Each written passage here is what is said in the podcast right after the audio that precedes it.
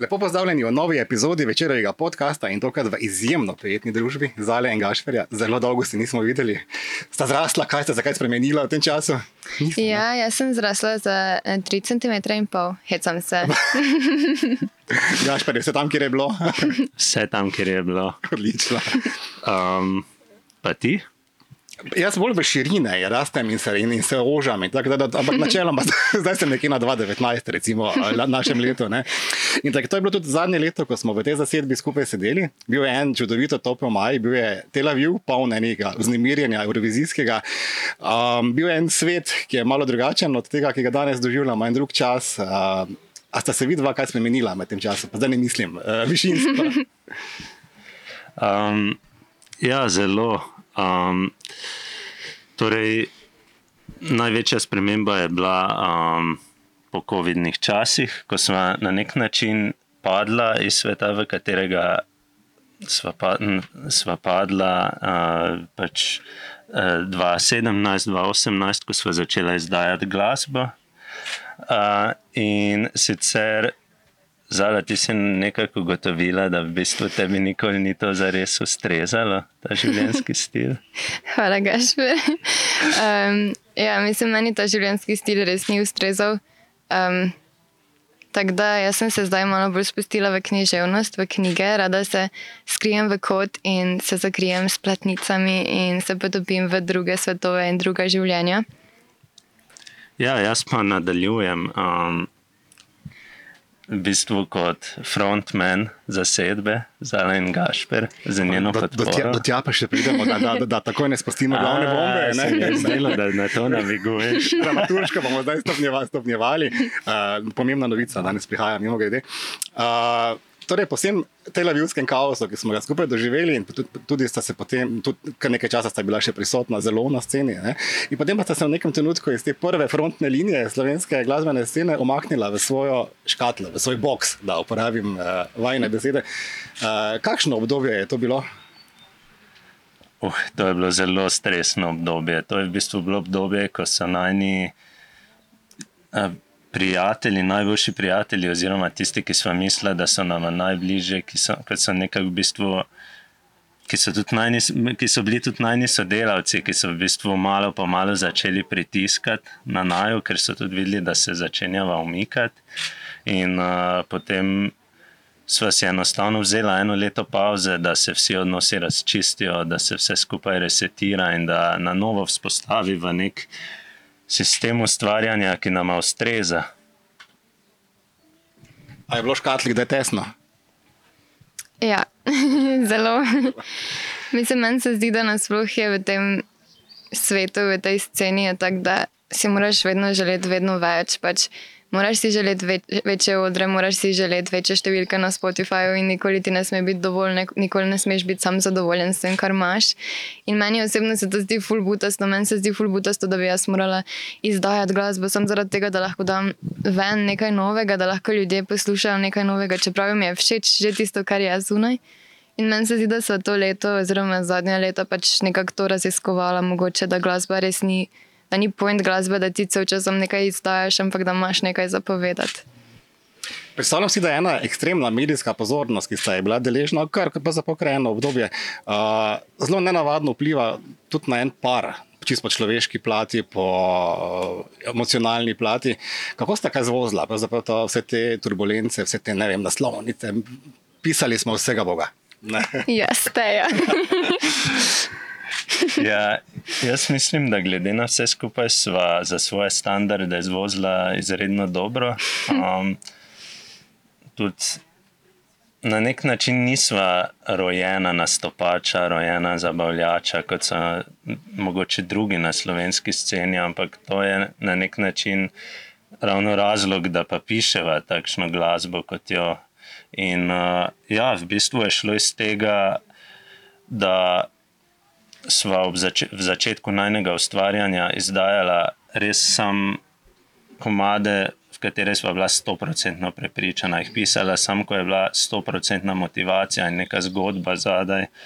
Potem pa v bistvu smo se iz leta v leto postila nekako prepričati strani industrije, da pa je boljše sam delati na količino, da daš ven album, sta dva hita, ostalega sploh ljudje ne poslušajo in grejo dalje. In nama to enostavno ni nikoli ležalo in nama je bilo zelo, zelo, zelo hudo, ko sva ideje, v katere sva res verjela na pol dodelala in jih dala ven zaradi nekega časovnega pritiska, ki smo si ga včasih tudi sama dala, ravno zaradi tega, ker smo nekako hotela ugoditi industriji v tem smislu. Ja, čeprav glede samih medijev, pa člankov, pa se mi zdi, da na eni točki moraš sam začeti ignorirati vse, ker žal ne moreš kontrolirati tega, kaj pride ven. Tudi, recimo, karkoli bom jaz danes povedala, realno jaz ne morem kontrolirati kateri stavek bo nekdo vzel in iz njega naredil zgodbo. In jaz bi rekla, da cel, celo tisto obdobje se je zdalo skozi tako, po mojem, v nekem transu. Jaz se ničesar ne spomnim. Jaz se ne spomnim niti enega intervjuja, niti enega pogovora, pač vse sem potlačila in po mojem šla skozi sem v nekem modu, ki ga moraš pač vključiti, ko je tak. Hmm. Zasledil sem en intervju, v katerem si me zelo presenetila z eno zelo osebno zgodbo, da je to obdobje tebi prineslo tudi nekaj osebnih te, težav, tesnobe. Uh, kaj se je dogajalo? Um, še zdaj ne vem točno, jaz sem lani prvič, um, je bilo to lani, ker je zdaj, zdaj je 2023, lani je bilo 2022. Um, ja, mislim, da je bilo lani. Um, Ja, sem izkusila svoj prvi panični napad pred enim snemanjem, ki so ga imela, oziroma fotkanjem, ne spomnim se. Um, pač res na točki, ko sem bila zihar, da umiram. Tako res, pač zihar sem bila, bila sem tako, ok, gaš prej sem se umrla, lahko pokličeš mojo najboljšo prijateljico, če ti je, ampak to je to. Um, in potem sem ugotovila, da pač nekaj ni ok. Um, in to se mi je še parkrat ponovilo, pa jaz mislim, da celo življenje pač bo to nek del mene, ampak zdaj znam že ful dobro kontrolirati in se znam pač pomiriti in umiriti dihanje, umiriti pač bitje srca, karkoli. Ampak ba, je grozno. Kako res začutiš ta panik? Jaz nimam še te izkušnje za enkrat. Ja, za enkrat. Kako, kakšen je občutek tega paničnega napada? A to kaj, a kamen na prsih ali ne vem? Okay, um, predstavljaj si, da boš naenkrat skupaj padel srce ti bo eksplodiralo, bruho boš, nehal boš dihati, sesul se boš v enem. Oh, wow. pač, re, jaz sem bila ono res, res, sto procentno, da bom umrla. pač res je grozno, tako jaz, dokler tega nisem doživela, si nisem znala predstavljati, kaj ljudje mislijo, ko rečejo panični napad. Sem mislila, da mogoče pač malo teže prideš do zraka ali karkoli, ampak je res. Um, Res je grozno, res je obupno. Torej, rdeče lučke se prižgejo, enkrat ja. vse, vse hkrati, očitno, ne, po dolgem času. Kaj sledi temu? Potem eno obdobje vem, preizpraševanja, iz, vem, dvomov, kako se lotiš izhoda iz tega, iz tega paničnega tunela.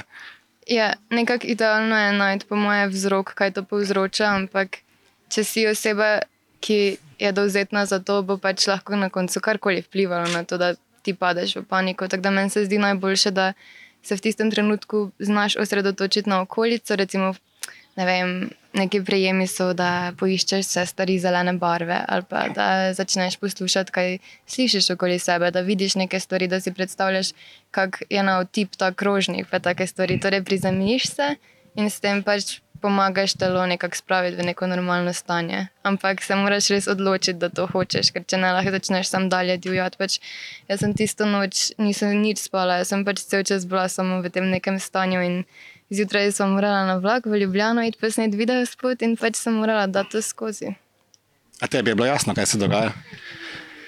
Uh, ja, v tistem momentu mogoče nisem bil pripravljen popolnoma sprejeti tega iz vseh aspektov, ampak mi je pa bilo jasno, da v bistvu vse to, kar se je subtilno kazalo skozi leta, da je potem začelo dosegati res pač slabo voljo v tej meri, da enostavno ni bilo več znosno, niti mi ni bilo ok gledati osebo, ki jo imam najraje na svetu, v pač stiski. Ne. A tvoji ventili so dobro porihtani in nastavljeni za izpuščanje pare, ko se nabere? Ja, dosti, mislim, zelo dosti športam ko se res nabere, najraje grem na. Pardon.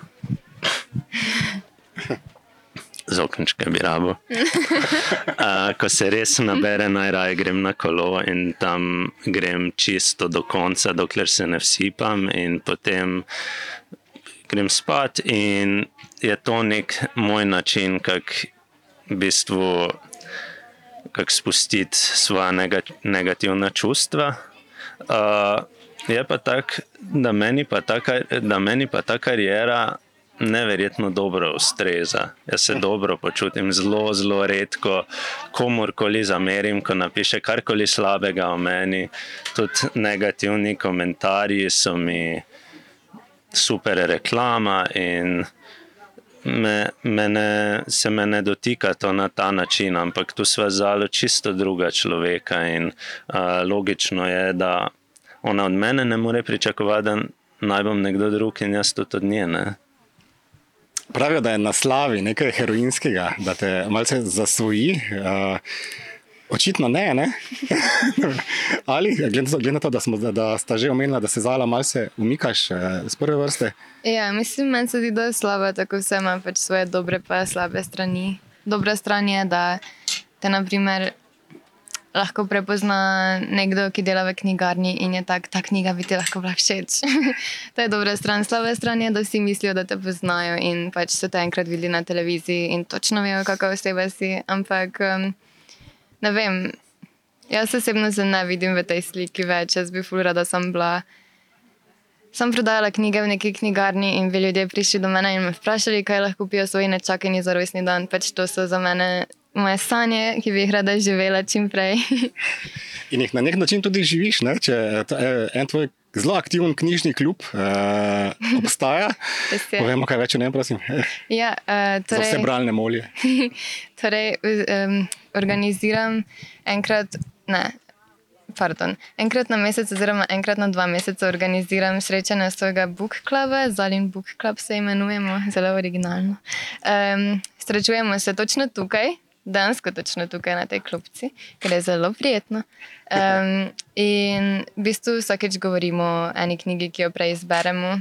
Trenutno se pogovarjamo o neapelskem ciklu Elena Ferrante, ker so moje najljubše knjige in imamo ful dobre debate, ker je vsaka knjiga polna dogodkov in karakterjev in se lahko res dosti pogovarjamo. Um, tako da to je ena ful fajn stvar, ki sem jo že dolgo hotela narediti. Um, da zberem ljudi, ki se radi pogovarjajo o knjigah in debatiramo tri ure o eni knjigi, ki nikogar drugega več ne bi zanimala, ampak mi pa se lahko pogovarjamo sto ur. Um, Še... Tako opera, ne?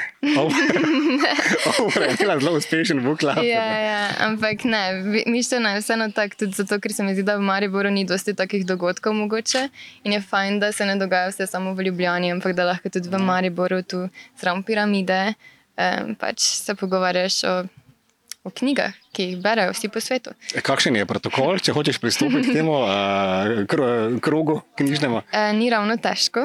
Lahko me kontaktiraš, kjerkoli me najdeš. Ampak sicer pa objavim ponovadi en tak link, um, kjer se lahko prijaviš in kupiš vstopnico za nič evrov, ki meni služi samo zaradi tega, da dobim tvoj e-mail in ti lahko napišem, če um, se je kaj spremenilo, kakšni plani.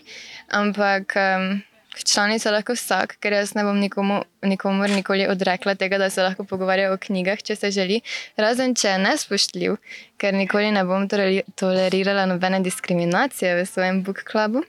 Um, ja, uh, sicer pa ja, ni ravno težko. Kdo izbira knjige? Eh, knjige izbiramo vsi skupaj, na vsakem srečanju se dogovorimo, kaj bomo brali naslednjič. Torej, ni, ni eh, diktatura, ne? ne. Absolutno ne. Tudi jaz bi rada, konec koncev, skozi ta book club spoznala več knjig, pa avtorjev. Um, tudi ne bi rada bila pač več časa na enem. Mislim, mi je fulfajn, da kdo predlaga tudi kaj, kar meni ni všeč. Recimo, pogovarjali smo se o norveškem gozdu, Murakami, ki je meni osebno grozna knjiga. In je bilo tudi fulfajn, da smo pač imeli različna mnenja um, in lahko debatirali na ta način. Tako da, tudi če bi imel kdo kdaj kak predlog za knjigo, ki bi jo lahko obravnavali na Book Clubu, je zelo zaželjeno. Gašpr, za kakšnimi platnicami se pa ti naraje skrivaš? Ali se sploh skrivaš za platnicami? Uh, zelo malo. Jaz večkrat rečem, da pač berem note na mesto knjig. In res igram ogromno klasične kitare in preberem ogromno not. Um, sicer pa mi je v bistvu precej všeč zaljen okus za knjige. Tudi knjige o kanibalizmu. Ne, nekatere knjige bere tako, da nikakor ne razumem, zakaj bi kdo to bral. To je zala. Dobra istočnica, kanibalizem.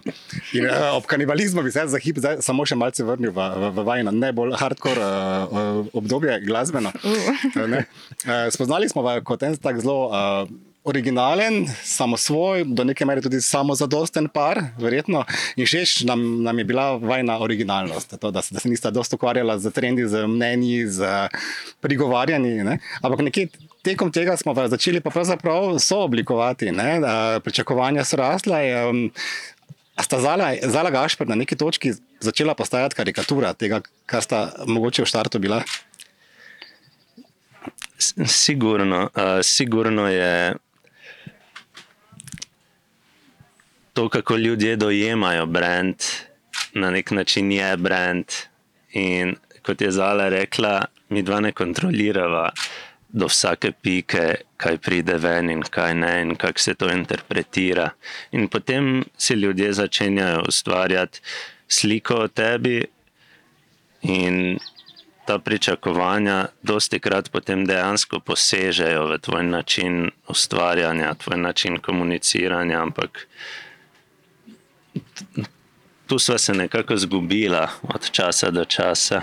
Ja, ampak meni je všeč, da ti to rečeš, ki pač prihajaš samo iz medijskega sveta, ker mi je všeč, da lahko prepoznaš to.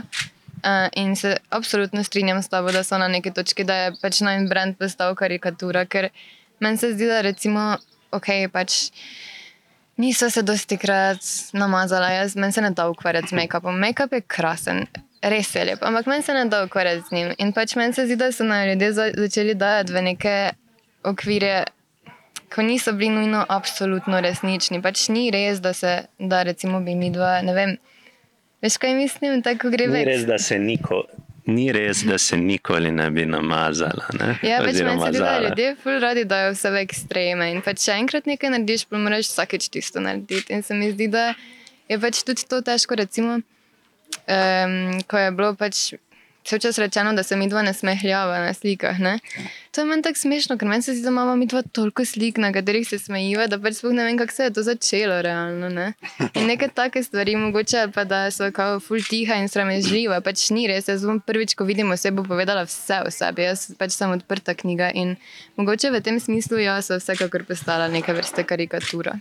Sponzorji so se kar naenkrat pojavili, še en ne, ne, nenavaden moment v vajni zgodbi. Se spomnim, se, ne bom zdaj jih našteval, ne, ampak ne vem, kaj nekaj sta, mislim, da sta oglaševali eno pijačo, mm -hmm. pa jopce, športne in tako naprej. Kako se pa znašla v tem, ko v bistvu postaneš um, oglaševalec, promotor, kar ni najbolj v vajenem slogu, po mojem. Ne?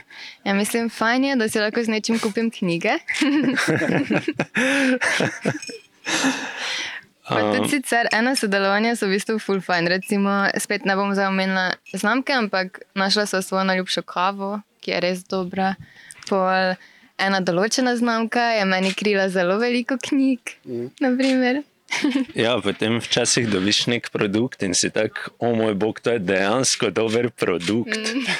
In uh, potem si vesel, da oglašuješ nekaj, v kar dejansko verjameš. Uh. In to je najtežji del vsega. Sorry, še eno sodelovanje, ki je bilo res kul. Cool. Ko tudi zdaj ne bom zelo jasno povedala, ampak ena znamka vode uh -huh. je naredila vodo, ki ima mogoče nekaj veze z mojim Z imenom. nenavadnim imenom. Ja, ja. In je dala pač še Gašprevo ime zraven in tako je lepo ilustracijo. Tisto je bilo res luškano. Pa fajn je bilo, ker vseeno ni bilo za prodajo, ker um, ne bi jih nujno naj, najbolj z veseljem prodajati. Ne, bom- ne bom šla v to zgodbo, ker bom spet nekaj rekla in bom spet enkrat drugič nekaj naredila. Ja, bo- lahko izrežemo. Ja. Ampak sej, ne na zadnje tudi mediji živimo od oglaševalcev. ne? Res. Tako ne? Ja, se na nek način Eh, vsi. Obljubim, da neham žnjariti z Tel Avivom počasi, ampak imam puno enih spominov na to obdobje. Takrat tudi, tudi za me je bilo zelo intenzivno mm. uh, in ga ne, ne morem pozabiti, ker je bila v bistvu zadnja normalna Eurovizija, preden se je, kot rečeno, ne, zaradi pandemije in vsega svet, svet se su in tudi Euro- Eurovizija zelo spremenila. Uh, kar nekaj cirkusa je bilo takrat okrog vajo. Ne? Bila sta izjemno popularna, izjemno oblegana, na medijem sta bila dobesedno na, na pladnju, nenavaden mlad par, čudno razpoložen, ma malce tečen, občasno ne tako zelo vesel, kot bi si mogoče kdo že želel. Uh, a bi danes kaj drugače naredila, eh, tistega 2019. Jaz se na tej točki ne bi spustila v te vode. Raje bi šla mogoče kot spremljevalka, pa jedla humus cel dan, pa sem pač spodbujala osebo, ki je na odru. Mislim, lahko je biti pameten za nazaj. Če, bi, če bi bila zdaj s tem, kar zdaj veva nazaj, tam seveda bi naredila ene stvari drugače. Mogoče bi bila malo manj nesramna do enih ljudi. Jaz ne bi grdo nazaj govoril novinarjem. Uh, polno enih takih stvari, ko jih veš, ampak je tako, da enostavno ene stvari veš, pa se jih moraš naučiti na lastni koži. In to boli, in to je tudi čar tega. Mm.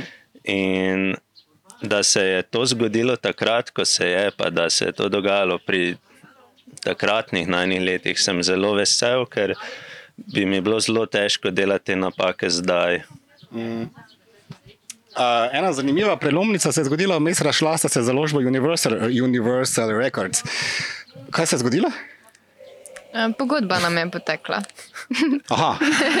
Nič dramatičnega. E, v bistvu smo imeli pogodbo za dva albuma in ko so izdala album Love Letter, ki ga imam tukaj. Le um, je v bistvu naša pogodba avtomatsko potekla. ja. Nobenih sous, nobenega metanja papirja. Um, uh, ja, nismo v istih mestih, ne? zato nam je tudi super, da smo v Mariboru, da smo ločena od ljubljanske scene, kjer, je, kjer so vse korporacije. Uh, čisto tako mi dva bi dejansko. Mm, žal so se zgodile ene stvari, ki se jih ne bomo, po mojem, nikoli pa vsem oprostili. Pač uh, proti koncu našega sodelovanja. Um, in žal so naju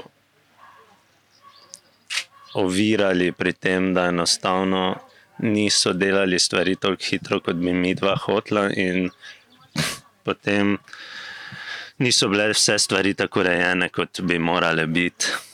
Ja.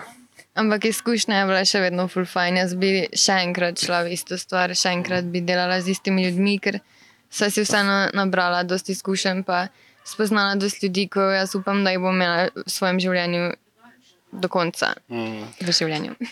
Ja, z Universalom smo bili neverjetno dobra ekipa, svoj čas.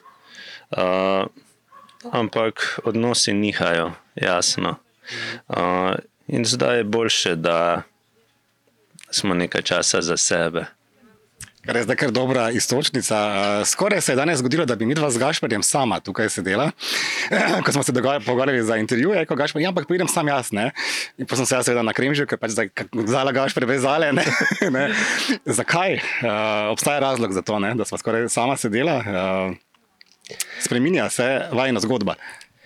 Ja, um, zaradi tega, ker zali to več ne ustreza meni pa zelo in je glasba vse, kar si želim delati.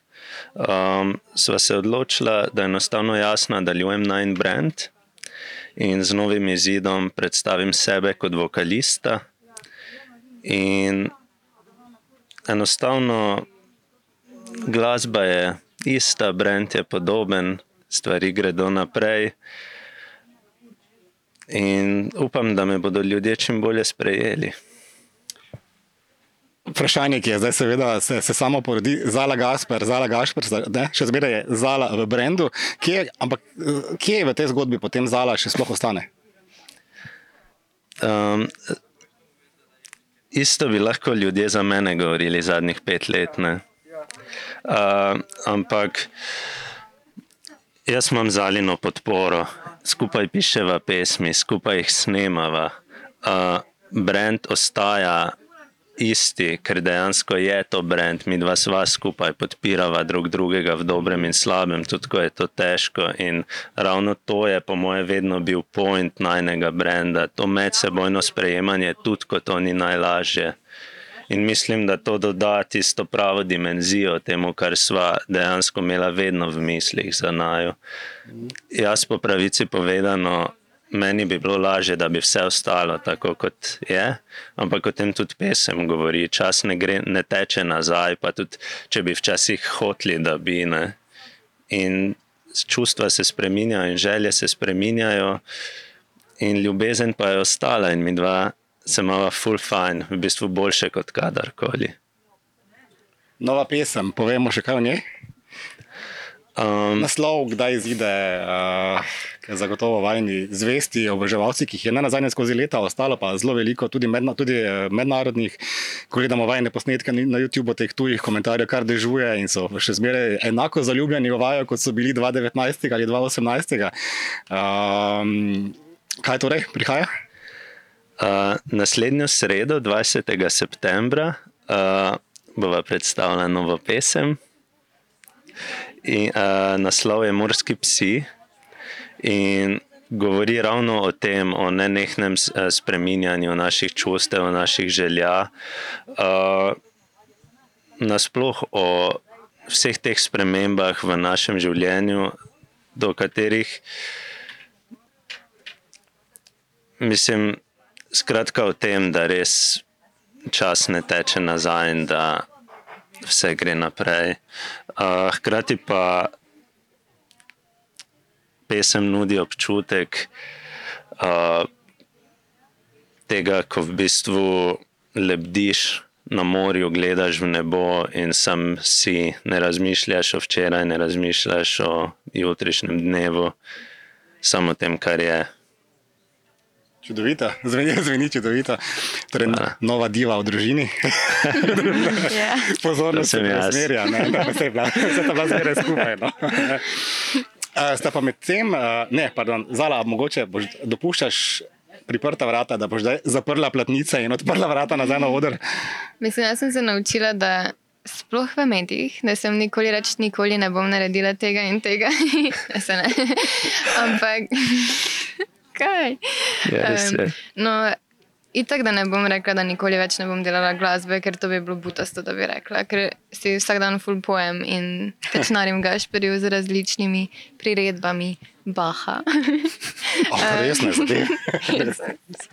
Uh, ampak v tem trenutku se ne vidim v, v tem kontekstu. Ne vidim se, da bi pač dala ven pesem in jo na polno promovirala in poskušala ljudi pritegniti, eh, kar je ironično, glede na to, da smo tu. Ampak um, rada bi spet delala glasbo na način, tako kot sem recimo v srednji šoli, ko sem preprosto.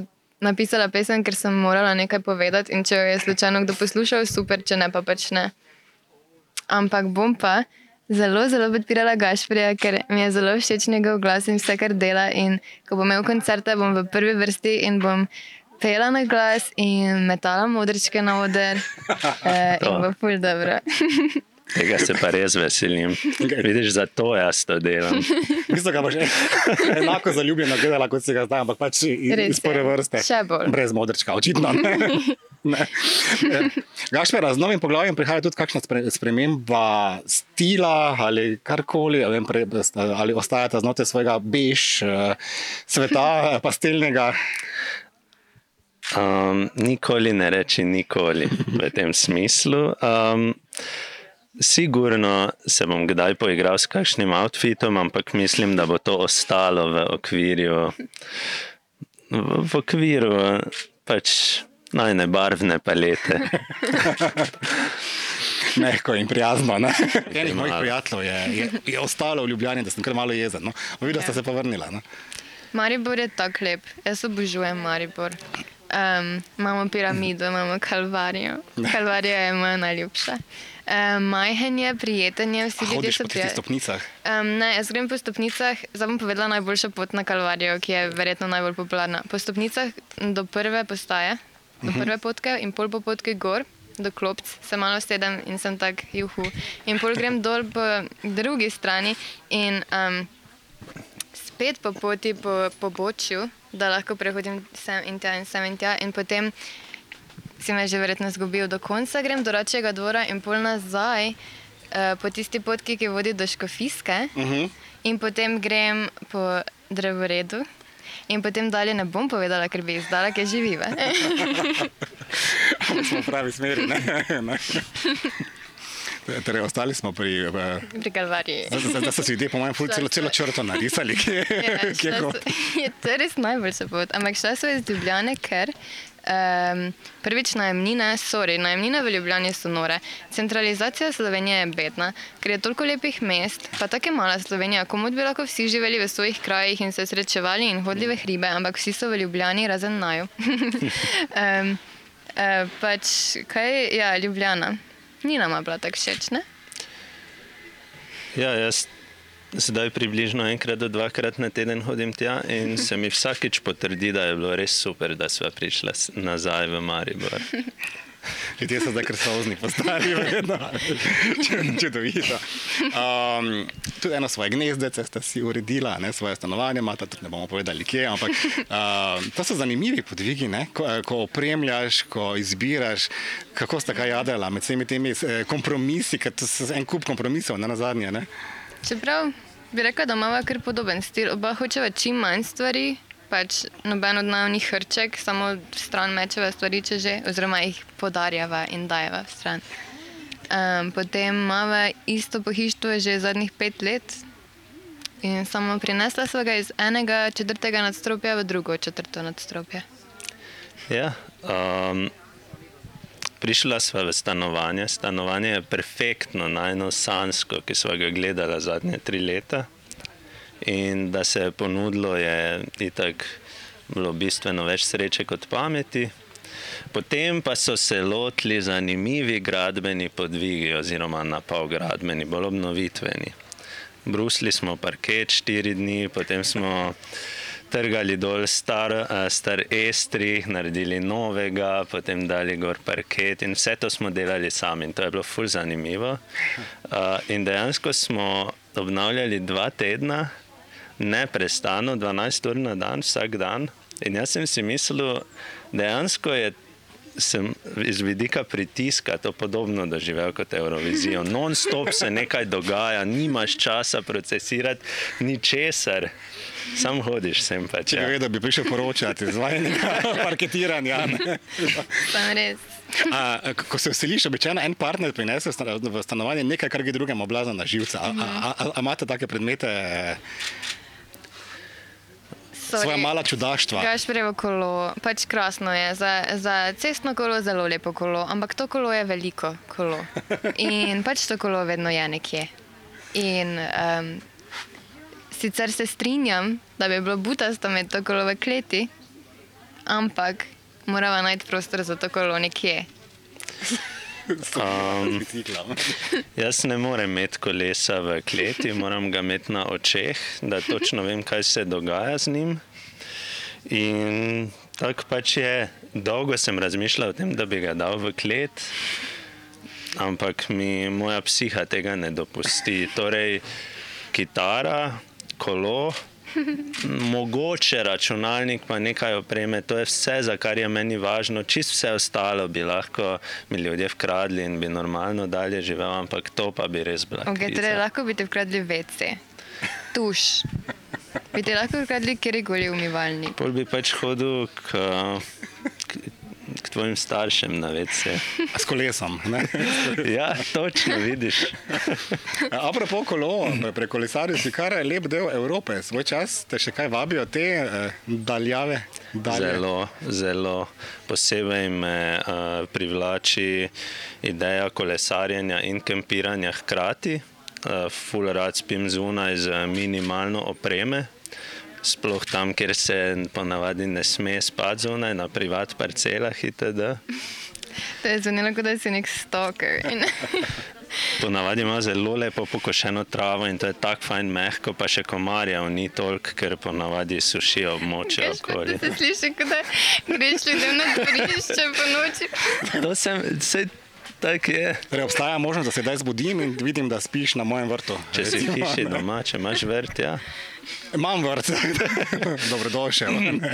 Do, hvala lepa. Vidiš, tako da ti lahko kar pozvonim in pridem. Ampak ja, na zadnje sem kolesaril čez Skandinavijo in uh, odkrito povedano me ni toliko pritegnilo kot bolj južni del Evrope. Uh, ampak zdaj sem prekolesaril že 13 evropskih držav in to mi je ena izmed najboljših motivacij, najboljših šol za življenje. Tisto, ko v bistvu ti je res težko, pa vidiš, da v bistvu se mora zgoditi še ful več, da, ne, da bi bilo konec sveta, da ne bi preživel. itd. In to mi daje samo zavest za tudi ostale življenjske podvige. V bistvu, po, po tistih izkušnjah se mi enostavno dosti stvari, ki bi se mi sicer zdelo ful težko, se mi zdi pač lahkih in obvladljivih. Katera, katera država te je najbolj utrudila? Um, psihično me je najbolj utrudila Nizozemska, ker je toliko kolesarskih, da sem se ful dosti krat zgubil, ker sem moral potem nazaj hoditi pa na pravo kolesarsko, ker včasih so tri sporedne. Uh, fizično pa najbolj Španija, ki mi je hkrati bila tudi najlepša in najboljša za kolesariti. Uh, tam pa je bilo res vroče, že sam iskati vodo je bil izziv. In to so res težke in najbolj krasne dogodivščine, ki si jih pač lahko zamislim. Izurjen človek. Čist za konec, ki ste ga ravno prinesla pokazati svoj čudoviti love letter, me zanima, kdaj ste pa vidva na zadnje napisala ljubezensko pismo. Predvidevam, da drug drugemu. No. Um, to pismo je bilo edino in zadnje in prvo, ki so ga napisala drug drugemu. Iskreno, ne? So že pol, pol si kaj napisala? Jaz mislim, da večino stvari, ki jih jaz napišem, in so, se nanašajo na zalo, da so neke sorte ljubezensko pismo. Torej, naprimer, plis kupi kruh. Tega nisem nikoli napisal. Seveda si. A ja, na listek zraven postelje. Ja. A si pišete te postite, listke na, na hladilnike? Pa ne, lih, meni se zdi, da ti tega ne vidiš ravno nekaj ekstra. ja, samo ti pa vidiš, ne? Jaz pa vidim, ja. Draga Zala, dragi Gašper, najlepša hvala, da ste si vzeli danes čas za nas, za vse te čudovite zgodbe in spomine. Um, kaj ne rečem, Zala, želim ti nešteto krasnih knjig, vznemirljivih uh, in veliko miru. Gašper, tebi pa najbolj noro kariero, ki si jo lahko še zamisliš. Ne? Hvala, Denis. Hvala. Tebi Smo na- tudi. Smo na vezi.